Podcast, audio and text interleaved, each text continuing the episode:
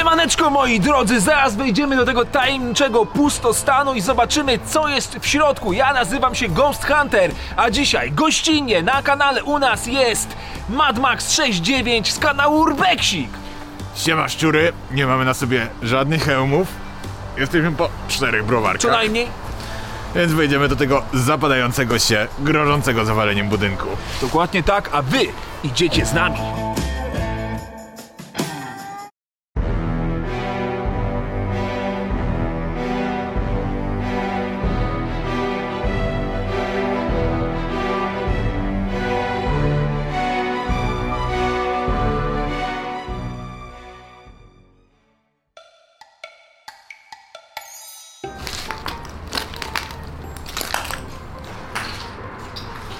Wyobraź sobie stary, zniszczony budynek. Taki grożący zawaleniem, z wystającymi prętami zbrojeniowymi, cegłami wiszącymi nad głową i kruszejącymi pod ciężarem ciała stopniami schodów. No Mad Max, powiem ci, fajnie tu jest.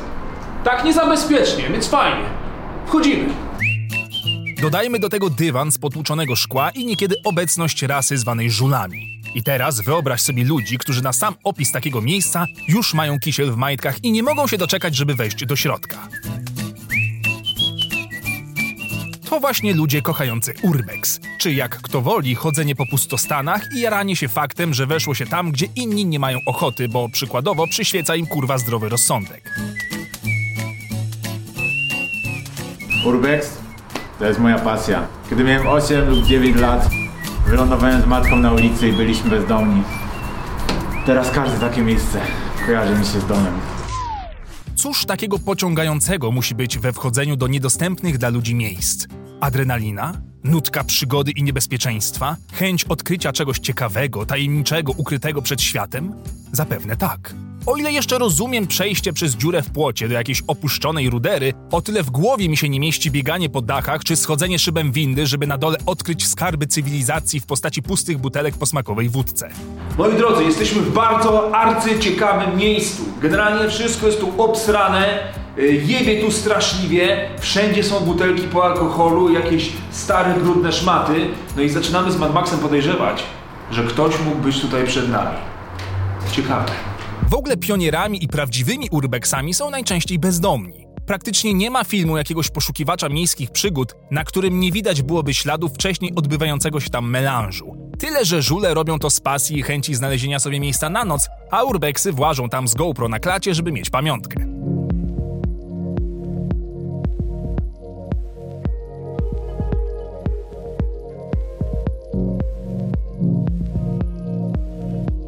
Dla mnie Urbex to nie tylko chodzenie tutaj, ale także sztuka. Ja tutaj mogę wyzwolić moją artystyczną duszę. Ja w tej brzydocie widzę mnóstwo piękna. Myślę, że dla takich zdjęć warto jest ryzykować. Najgorsze jest, jak taki urbex namawia cię do oglądania swoich przygód i musisz 20 minut udawać i potakiwać głową z uznaniem, jak koleś pokazuje ci, jak to wszedł do jakiegoś meliniarskiego kurwidołka i poświecił latarką na gołe kable albo nieotynkowane ściany. I potem pokazuje ci jakąś zdobycz w postaci rozjebanej damskiej torebki czy innych brudnych fantów. Serio, co drugi z nich zachowuje się jak niedojebany umysłowo Indiana Jones. Mati, utknął! Utknął, cholera! Coś go wciąga! To chyba żule! Ciekawe, co w ogóle prowadzi do takiej pasji? Jakie wydarzenia w życiu muszą prowadzić do tego, że stwierdzasz któregoś dnia Ej, ciekawe co jest w środku, przeskoczę przez płot i sobie wejdę. Ewentualnie u niektórych mogło się to zacząć na zasadzie Co kurwa, ja nie wejdę? Mati, patera. Stary, ludzie są po prostu ciekawi, co jest w środku, więc my im to pokazujemy, no. No kto ma inny wejść? Konserwator zabytków, nie wiem, strażacy, jacyś specjaliści? No wiadomo, że nie, no proszę cię, no my od tego jesteśmy, tak? Robimy to dla ludzi po prostu.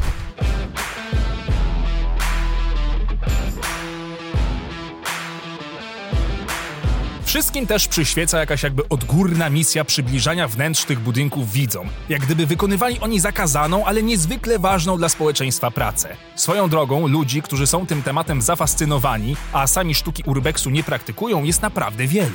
Widać, że ludzi ciągnie do tego, co zamknięte, niedostępne i generalnie mocno rozjebane.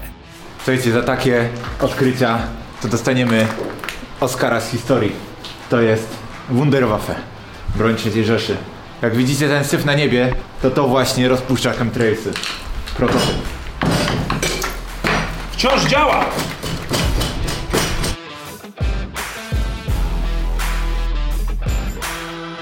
Ja jeszcze rozumiem, jak ci ludzie schodzą do budynków historycznych typu bunkier Hitlera, mają na to faktycznie pozwolenie, przybliżają historię danego miejsca i generalnie jest w tym jakaś myśl edukacyjna.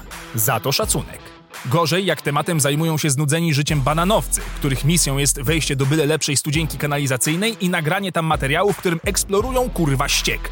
Fascynujące mocno. Są przy tym obkupieni w iście survivalowy ekwipunek. Linki, latarki, apteczki i inne. Wszystko po to, żeby pokazać, że to jest na serio, że to przygoda, że to wymaga jednak pewnej odwagi i nie jest dla każdego. Po czym, jak wspominałem, na miejscu okazuje się, że od kilku miesięcy mieszkają tam bezdomni. Oklaski, kurtyna. To nie jest wchodzenie na nielegalny teren. Ja to nazywam infiltracją, ewentualnie speleologią miejską.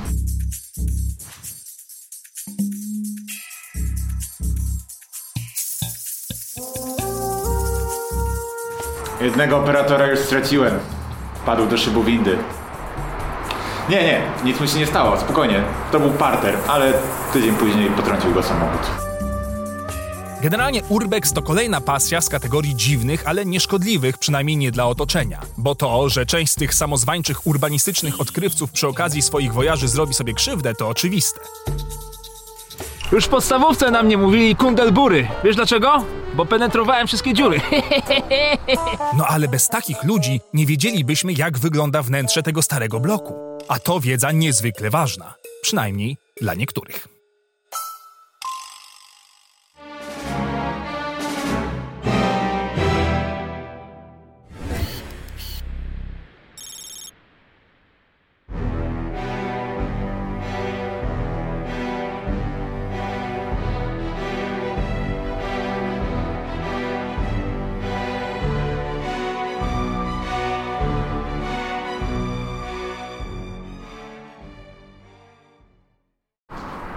Jaka fajna dziura! Ale bym się do niej spuścił. Na linię w sensie.